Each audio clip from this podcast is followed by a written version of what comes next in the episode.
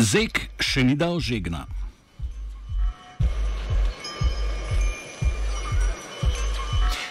V današnjem offsetu se posvečamo novi državni subvenciji in sicer podjetju Lonstrof ter pregledujemo staro in novo zakonodajo na področju spodbujanja investicij. Vlada, ki opravlja tekoče posle, je s švicarskim podjetjem Lonstrof podpisala pogodbo za državno spodbudo v višini 4,8 milijona evrov za investicije v Logacu. Največji del državne spodbude bo financiran iz sredstev Ministrstva za gospodarski razvoj in tehnologijo, preostalih 657 tisoč evrov pa iz državnega proračuna. Celotna vrednost investicije znaša 49 milijonov evrov, ustvarila pa naj bi 180 novih delovnih mest. Podjetje Lonstrof, katerega lastnik je japonsko podjetje Sumitomo Rubber Industries, bo v Logacu predvidoma aprila 2019 pričelo s proizvodnjo medicinskih elastomerov. Zgradnjo objekta pa bodo pričeli maja letos. Na zemljišču Logacu, ki ga je Lonstrof odkupil od družbe za terjatev bank, je nekdaj stala tovarna lesne industrije Kli Logatec, od takrat pa je zapuščena, tako da gre za degradirano območje. Okoljska agencija Arso za gradnjo še ni podala okoljevarstvenega dovoljenja, na posamezne nevarnosti gradnje na tem območju pa opozarjajo predvsem v Zvezi ekoloških gibanj Slovenije, krajše ZEG.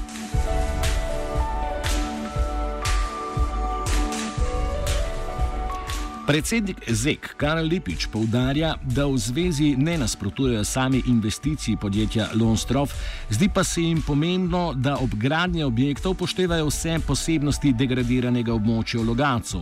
Posebej izpostavljajo zaskrbljenost glede tega, kaj se bo zgodilo s 114 tonami azbestnih ploč, saj tega v investicijski dokumentaciji ni mogoče zaslediti. Zveza ekoloških gibanj Slovenije, nevladna okoljska organizacija, ki ima status društva v javnem interesu po zakonu o varstvu okolja, to pomeni, da lahko pridobi status stranskega udeleženca, ne sprotuje gradnji tega farmacevtskega objekta. Mi dejansko samo opozarjamo v tem procesu na dejansko degradirano območje bivše lesne industrije Kli Logatec, kjer se bo gradil ta objekt. Namreč na območju tega gradbišča je sedaj dejansko so stari objekti lesne industrije, ki so imeli predvsej upravka s kemično industrijo. Na, še vedno so ti objekti pokriti z azbestnimi ploščami, z makritino in teh je kar za 114 ton te kritine. Prav tako upozarjamo na ogromno nevarnih odpadkov, ki jih bo treba dejansko spraviti iz tega območja. Na, na se zadnje je tudi 30 tisoč ton uh, uh, teh odpadkov, oziroma tudi kubičnih metrov zemljine, ki je del te je tudi onesnažena, ker je uh, na področju kemijske industrije in na to mi upozarjamo. Namreč uh, v problem, ki uh, pri gradnikih bo nastal, je problem, uh, ki je vezan na hrup, uh, ki je vezan na podstalnico. Uh, in pa seveda, uh, kar pa naj nas skrbi, je pa to, uh, kam z temi odpadki, ker ni bilo jasno rečeno v dokumentaciji, kam bodo te odpadke odpeljali, ki so nevarni. Prav tako tudi ni jasno bilo zapišeno, na kak način bo te, potekala sanacija azbestnih plošč in tako naprej. Zemlišče, kjer je nekdaj obratovala lesna industrija, se nahaja na kraškem svetu, zato tam ne sme priti do nobenega stika med odplakami in podtalnico.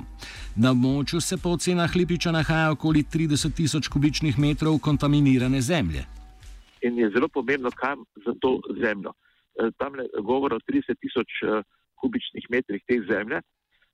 In to pomeni, da do, lahko domnevamo, da je ena četrtina, ampak to je, to je to treba dokazati, da je lahko problematične.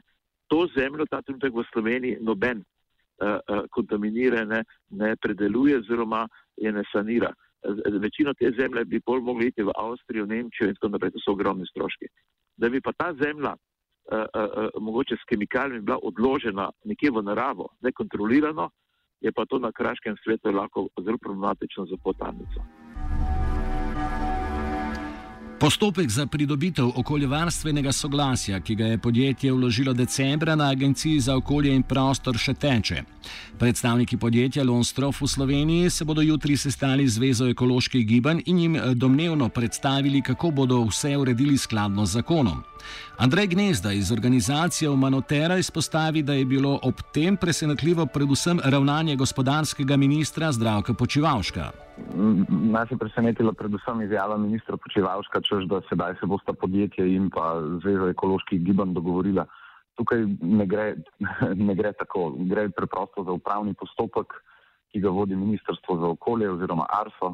Eh, Zveza ekoloških gibanj je ena izmed strank oziroma verjetno ena izmed strank v tem postopku in med njima mora priti do tega soglasja oziroma dogovora oziroma ARSO mora upoštevati ali pa zavreči pripombe uh, Zveze ekoloških gibanj in na tej relaciji se dogaja neka, bom rekel, komunikacija in urejanje teh postopkov, ne pa na relaciji podjetja in pa okoljevarstvene organizacije.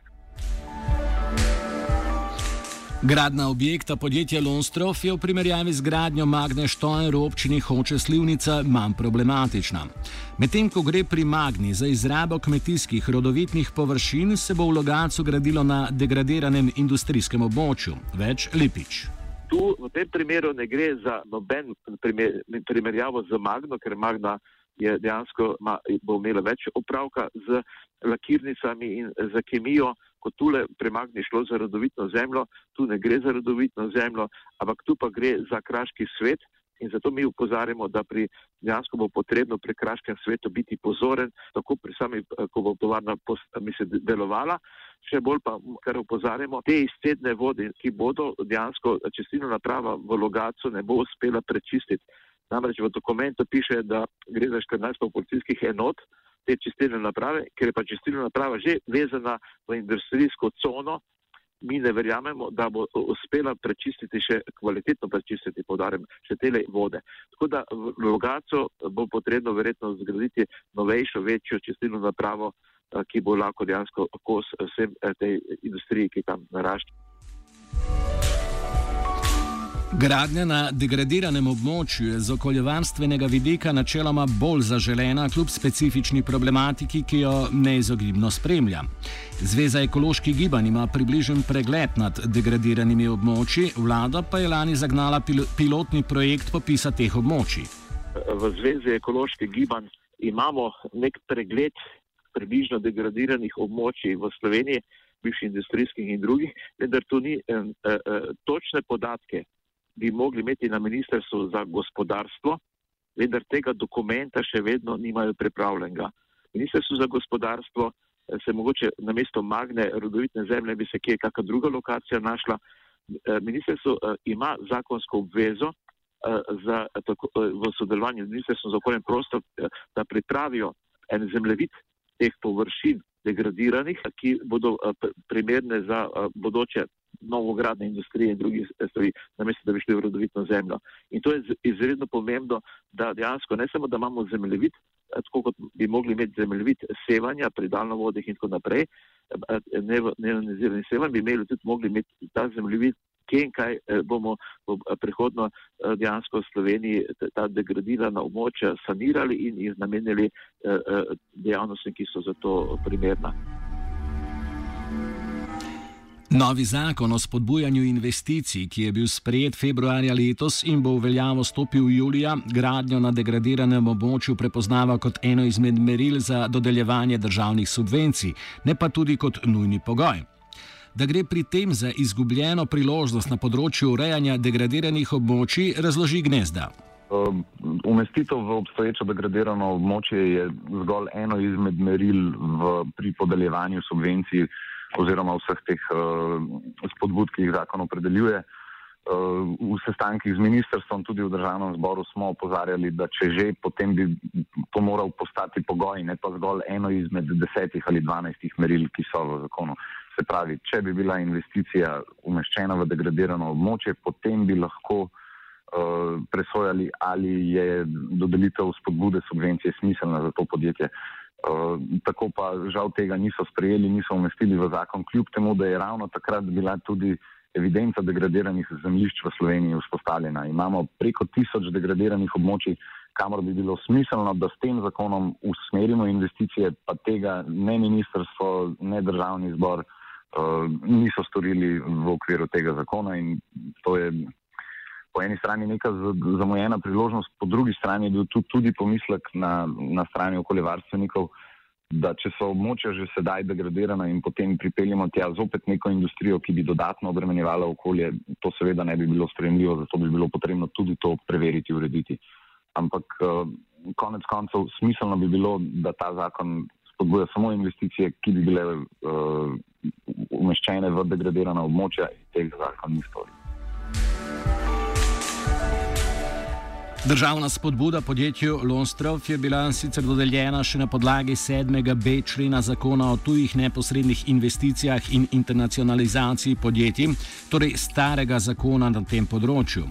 Kot glavni razlog za spremembo zakonodaje, ki ureja državne spodbude podjetjem, je vlada navedla izenačevanje položaja tujih in slovenskih investitorjev pri zaprošanju za subvencije. Novi zakon pa na novo omogoča tudi možnost razlastitve lastnikov zemljišč, na katerih naj bi stala investicija v primeru, da gre za strateško investicijo. Tega člena prejšnji zakon ni vseboval, zato je vlada posebej za namene podjetja Magna Štojer leta 2016 sprejela še zakon o zagotavljanju pogojev za izvedbo strateške investicije na razvojnem območju v občini Hoče Slivnica. Od sprejetja novega zakona o spodbujanju investicij bodo takšne razlastitve mogoče tudi za druga podjetja. Več o novem zakonu pove Gnezda. Uradni namen, kot ga je komunicirala vlada, je predvsem v tem, da, da bodo do subvencij lahko dostopala tudi slovenska podjetja. Tisto, kar pa je nekako bistvena novost tega zakona, novega o, zakon, o spodbujanju investicij in za kar tudi smatramo, da je bil sam zakon sprejet, pa je v sami razlastitvi, podobno kot v primeru Magne, tudi ta zakon omogoča, da se preprosto lastnike nepremičnin, na katerem bi se ta investicija odvila oziroma zgradil nek projekt, lahko razlasti za potrebe gradnje, če seveda se ne strinjajo z prodajo kakorkoli že. In mislimo, da je bil, bil to tisti osrednji motiv, ključni namen pri pripravi tega zakona. Strateška investicija je po novem zakonu definirana kot investicija višja od 40 milijonov evrov, ki v obdobju desetih let zagotovi 400 delovnih mest. Če podjetje opravlja razvojno raziskovalno dejavnost, zadošča investicija v višini 20 milijonov evrov z zagotovljenimi 200 delovnimi mesti. Gnezda podari tudi, da je problematična nova definicija javne koristi kot gospodarske koristi zakon opredeljuje, kaj je to strateška investicija. Gre za investicijo, ki dosega uh, se pravi vsaj 40 milijonov uh, investicije in pa 400 novih delovnih mest. In v tem primeru lahko investitor zaprosi za uh, presojo oziroma za, da se sproži postopek razlastitve, zato da se ta investicija lahko tudi izpelje. Mi ocenjujemo, da preprosto to ni ustrezna rešitev in da nekaj takega ne bi uh, smeli nikakor sprejeti. Namreč uh, Zakon ponovem opredeljuje tudi javni interes, ki izhaja iz gospodarske koristi in ta je sedaj nekakšna podlaga pravna oziroma podlaga za samo razlastitev oziroma to, da se ta postopek lahko sproži. Doslej je javna korist oziroma razlastitev zaradi javne koristi lahko bila storjena zgolj zaradi potrebe obrambe, gradnje neke gospodarske javne infrastrukture, zdravstvenih domov in tako dalje. Zdaj pa so tukaj na novo opredelili tudi gospodarstvo oziroma gospodarske dejavnosti kot uh, širši javni interesi na podlagi tega potem lahko sprožijo postopek razlastitve. Mi ocenjujemo, da glede na vse, bom rekel, zaplete in težave, ki jih doživljamo v Sloveniji ob raznih gospodarskih dejavnostih zaradi onesnaževanja zraka, tal, voda, hrupa in tako dalje, že cela kopica civilnih inicijativ, ki obstajajo v Sloveniji, dokazujejo, da ni nujno, da je gospodarska dejavnost ena, enačaj javni koristi. Lepič današnji offside povedno zaključi z mislijo, da si. Takih mandatov, kot smo imeli zadnja leta na področju varstva okolja, pa si osebno ne želim. No, če že moram. No, odkar sem veste, prenehala poslušati radio Rural, se mi je IQ dvignil kar za 89,3. Beauty is only skin deep. Ja, offset je pripravila Lana.